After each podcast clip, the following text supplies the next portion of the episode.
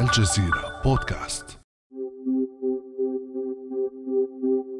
وعلاش حرقتوا لي قلبي وعلاش؟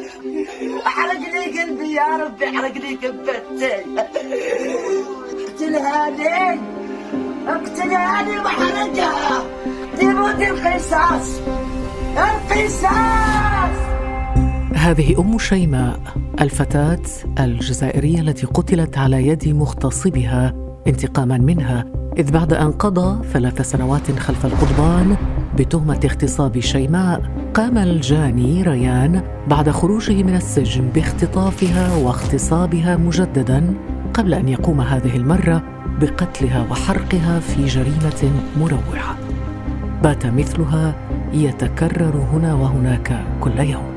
وحسب تقرير مكتب المخدرات والجريمة التابع للأمم المتحدة الذي صدر العام الماضي فإن عدد ضحايا جرائم القتل الجنائي في العالم خلال السنتين الماضيتين يعادل أكثر من خمسة أضعاف عدد القتلى في الصراعات المسلحة. وفي معظم الحالات يقول التقرير فإن ثلث جرائم القتل يكون الفاعل فيها إما شريكا أو قريبا. فما هي الأسباب التي تقف وراء معظم جرائم القتل في العالم العربي؟ ومن المسؤول عن ارتفاع هذه الجرائم؟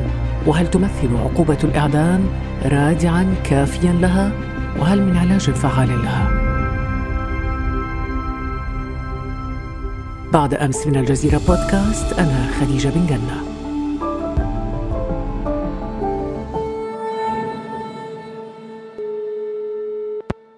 ينضم إلينا من المغرب في هذه الحلقة رئيس نادي قضاة المغرب والأستاذ الزائر بكلية الحقوق بالرباط الدكتور عبد اللطيف الشنتوف نرحب بك دكتور عبد اللطيف أهلا وسهلا بك. مرحبا بك استاذه خديجة. دكتور عبد اللطيف تابعت تفشي واستفحال ظاهرة القتل في العالم العربي في الآونة الأخيرة. أنت كرئيس نادي قضاة في المغرب ومن خلال عملك في مجال القضاء وخبرتك بهذه القضايا في المحاكم كيف ترى أسباب تفشي هذه الظاهرة؟ طبعا أسباب متعددة تقف وراء هذه الظاهرة. نحن من الزاوية القانونية يعني بما شاهدناه من خلال الملفات التي تعرض على المحاكم نجد أن عدة أسباب تقف وراء ظاهرة انتشار يعني الجرائم العنف أو القتل. من هذه الأسباب ما يرتبط أساسا بتناول المخدرات.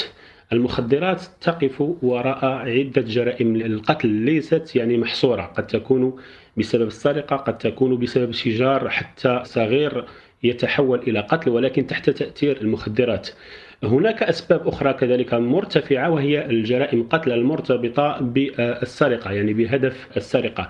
حين السرقة قد يضطر يعني الشخص المسروق إلى المقاومة فلا تكون نية الجاني هي القتل ولكن بفعل هذه المقاومة وتطور الأمور تحدث جريمة يعني القتل. هناك ما أصبح يطلق عليه اليوم بالقتل التافه. تجد شجارا عائليا شجارا بين أصدقاء لأسباب تافهة يؤدي إلى جرائم القتل. طبعا الحال هناك أسباب أخرى ولكنها أقل من التي ذكرت وهي الأسباب لانتشار وسائل صور العنف في وسائل التواصل أو في الإعلام بشكل عام. أو القتل تحت تأثير المرض سواء المرض النفسي أو العقلي أو القتل بدافع إيديولوجي. هنا نتحدث مثلا عن الإرهاب. وبنسبة أقل وبتباين ما بين مختلف الدول العربية هناك القتل الناتج عن الاستفزاز. وحسب يعني كل دولة تكيف هذا الموضوع. هناك ما يطلق عليه الدفاع الشرعي إلى غير ذلك. لكن دكتور عبد اللطيف شنتوف يعني في هذه الموجة من القتل كانت النساء يعني الضحية الأكبر للكثير من الجرائم. وهذا ما ترجعه المحامية الأردنية هلا عاهد إلى النظرة الدونية للمرأة التي تقف برأيها خلف معظم جرائم قتل النساء. العديد من الجرائم التي ارتكبت ضد النساء لم يكن سببها أن هناك نساء ارتكبن علاقات خارج إطار الزواج على سبيل المثال، كثير من النساء اللواتي قتلن قتلن لأنهن يمارس عليهن عنف داخل الأسرة، ضرب، تعنيف، شتم، يتطور هذا العنف حتى يصل إلى قتل وأحيانا دون سبب، يعني إنه الاستخدام الهاتف لأنها خرجت ربما لأنه يعني الشخص يشعر بضغوط اقتصادية. لا يوجد جريمة قتل تصل فجأة وأن تصبح جريمة قتل وإنما ما إن امرأة قتلت إلا وقد كانت معنفة في السابق. دكتور عبد اللطيف شنتوف ما رأيك بما قالته الأستاذة هالة عاهد وهي محامية وبالتأكيد خبرت الكثير من القضايا في هذا الشأن؟ طبعا عدة أسباب تتداخل فيما بينها في يعني في ارتكاب العنف ضد المرأة. المرأة في الوطن العربي يعني لا تستطيع مواجهة يعني الرجل الرجل بمعنى سواء كان الزوج سواء كان الأخ سواء كان الرجل داخل الفضاءات الأخرى الوظيفية التعليمية المجتمع. هذا ينتج كذلك فعل العنف يكون أكثر أكثر فأكثر العنف قد يصل حتى إلى القتل تجاه المرأة بالإضافة من طبيعة الحال إلى غياب برامج الحماية الاجتماعية. نعم ولكن دكتور كان لافتا أيضا في موضوع الاغتصاب وقتل النساء. يعني في حالة شيماء في الجزائر كان هناك حرق للجثة في حالة أيضا الفتاة التونسية في تونس. كان هناك حرق للجثة. هل هناك أي مدلول لهذا الأسلوب؟ الاغتصاب والقتل والحرق حرق الجثة؟ طبعا جرائم القتل الناتجة عن الاغتصاب الجنسي أو تحت مبررات الجنس بشكل عام سواء استهدف الأطفال سواء استهدف النساء. غالبا بما أن الموضوع هو مسكوت عنه من بدايته موضوع الاغتصاب وحتى بعض الجرائم الاغتصابية غير لا تظهر للمجتمع بسبب عدة أسباب اجتماعية بالدرجة الأولى.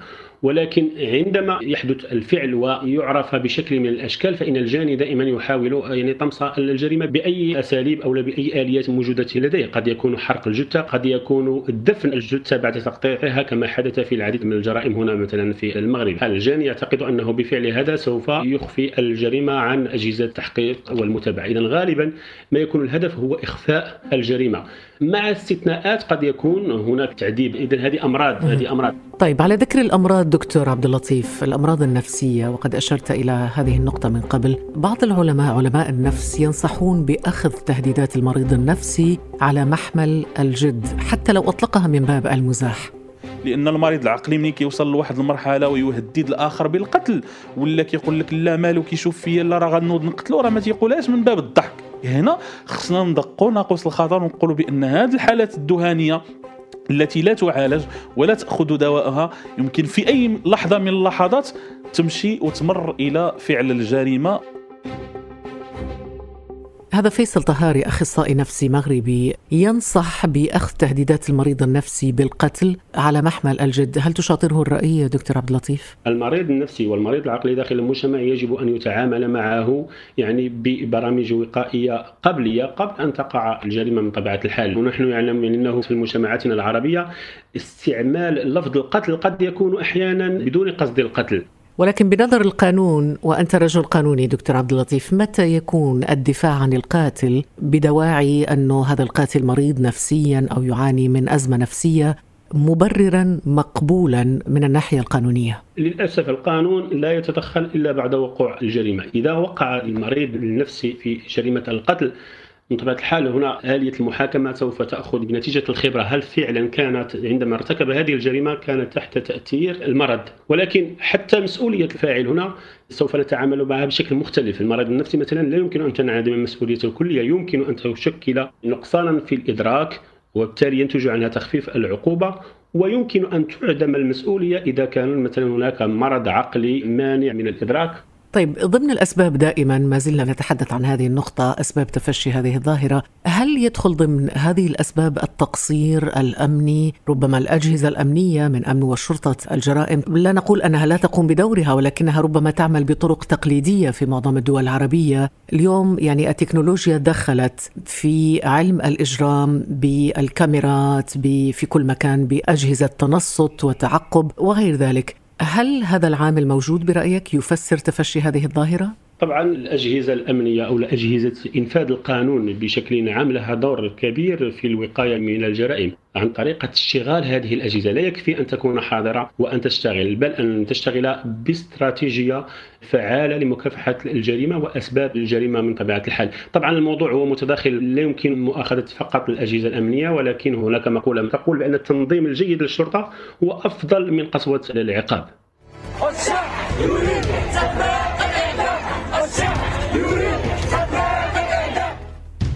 في جرائم عديدة هزت الرأي العام العربي مؤخرا ارتفعت الأصوات منادية بتطبيق عقوبة الإعدام في حق المغتصبين والقتلة من بين هذه الدول تونس التي احتدم فيها النقاش والجدل حول إعادة عقوبة الإعدام بعد اغتصاب وقتل الفتاة رحمة بالأحمر مؤخرا ووصل الجدل إلى قصر قرطاج.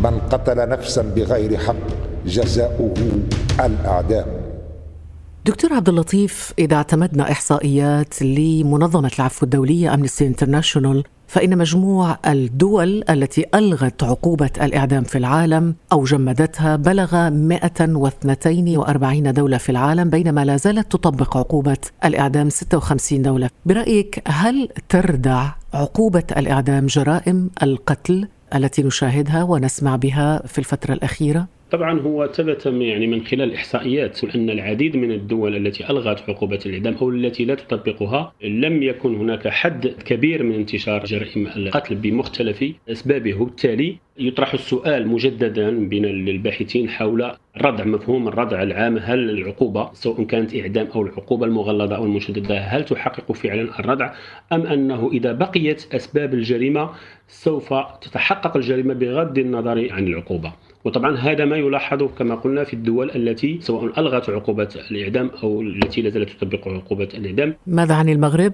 المغرب المحاكم تحكم بها في بعض الجرائم ولكن التنفيذ موقوف لم تنفذ عقوبة الإعدام في المغرب منذ 1993 ولكن أعتقد أن هذا لا يغير من الواقع في شيء ما دام أن أسباب الجرائم المتعددة التي منها تنموية من طبيعة الحال ومنها اجتماعية سوف تبقى هذه الجرائم ما دامت مسببات الجرائم يعني قائمة. وهنا نتساءل ربما عن سبب عجز القوانين عن سن عقوبات متشددة رادعة في حق المغتصبين والقتله والمجرمين لحماية الضحايا أو على الأقل لاستباقا لكي لا تقع ضحايا أو ضحايا جدد فريسة لهؤلاء المجرمين. عندما يعود المجرم إلى ارتكاب إما جرائم أخرى أو نفس الجريمة يجب أن نبحث فيما يسمى بحالة العود القانوني، لماذا بعد خروجه من السجن مباشرة يعاود اقتراف إما نفس الجريمة وإما أفظع من تلك الجريمة. طب ما تفسير هذا؟ يعني فعلا ما قلته دكتور الآن أنه في قصة شيماء هذا بالضبط ما حدث لأنه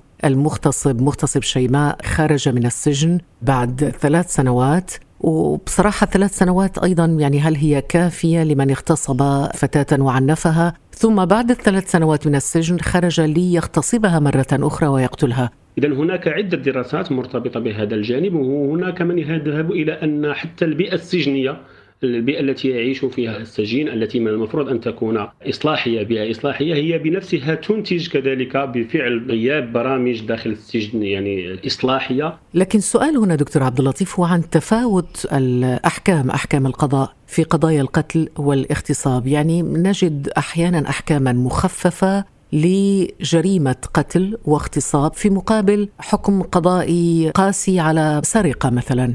كيف تفسر هذا التفاوت في الأحكام؟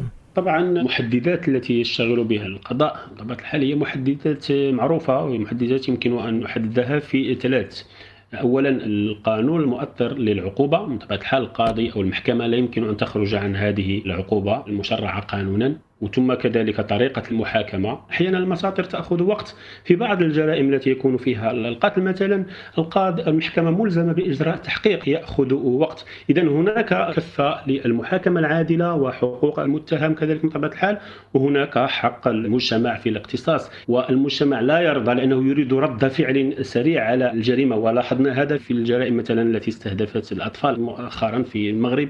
هناك جريمة استهدفتا يعني طفلة وطفل والمجتمع كان في حالة غضب شديد عبر عنه في وسائل التواصل الاجتماعي. ولكن المجتمع في العموم ليست له دراية بالمسطرة القانونية والمحاكمة وضرورة اتباع لكن المجتمع في هذه الحالة التي ذكرتها دكتور عبد اللطيف في حالة اغتصاب وقتل الطفل عدنان في المغرب كان هناك جدل كبير على منصات التواصل الاجتماعي وفي وسائل الإعلام وحول قوانين معاقبة القتلة والمغتصبين. مثلا نجاة أنوار الناشطة في قضايا الدفاع عن الأطفال ضحايا الجرائم. الجنسية تقول بخصوص تفاوت الأحكام القضائية في هذه الجرائم. الخلل في الفرق بين الأحكام الصادرة بين المحاكم.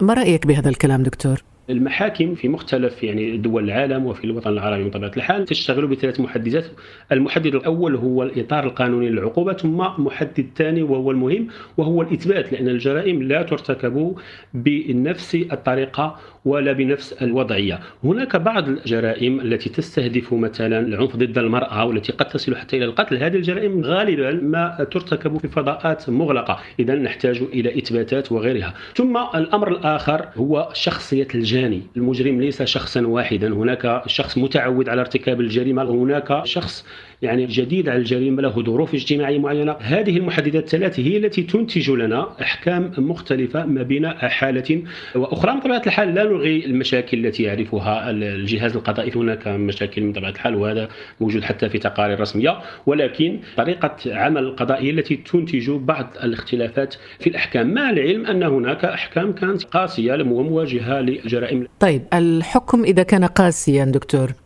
دعني أشير فقط إلى هنا أن القضاء دائما لديه ما يعرف بتفريد العقاب بمعنى للمحكمة سلطة تقديرية في الحكم بحد أقصى وأدنى للعقوبة هذا الحد الأقصى والأدنى يعني يكون متفاوت كبير جدا يمكن للمشرع أن يتدخل ويمنع تفريد العقاب أو في جرائم معينة مثل مثلا الجرائم التي تستهدف الطفولة أو المرأة وغير ذلك مما هو مرتبط بالسياسة الجنائية التشريعيه.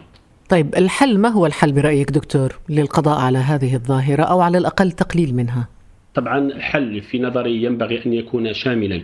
هو ينبغي اعتماد سياسة جنائية قائمة على السياسة الوقائية بمعنى وجود برامج تنموية وبرامج اجتماعية برامج للوقاية. هذا سوف يحد لنا من أسباب الجريمة الاقتصادية والاجتماعية. الحل الثاني هو السياسة التشريعية متطابقة مع الواقع مع تطورات الواقع. مثلا في التشريع الجنائي المغربي لدينا تشريع جنائي يعود إلى فترة الستينات. الآن هناك مفاهيم جديدة للمجتمع تطورات جديدة للمجتمع ظهور أنواع جديدة من الجرائم. يجب على القانون أن يستوعب هذه الجرائم. ومسببات كذلك جرائم حتى جرائم القتل التطورات التي أشرتم إليها الأستاذة خديجة تطورات التكنولوجيا. ثم كذلك ينبغي في مجال التنفيذ يعني وجود يعني الآليات أو أجهزة لانفاذ القانون سواء الشرطه النيابة العامة تعمل باستراتيجيات لمكافحة الجريمة وأسبابها بطرق فعالة وبطرق حديثة، اذا هي أسباب متكاملة، يبقى بطبيعه الحال جانب الردع هو جانب مهم جدا ولكن ليس هو يعني جميع الحل، هو جزء من الحل، من المهم جدا أن تكون هناك مقاربة شاملة تعتمد كل هذه المجالات وأركز أساسا على مجال يعني التنمية. شكرا جزيلا لك الدكتور عبد اللطيف الشنتوف رئيس نادي قضاة المغرب. شكرا جزيلا لك الاستاذه خديجة. كان هذا بعد أمس.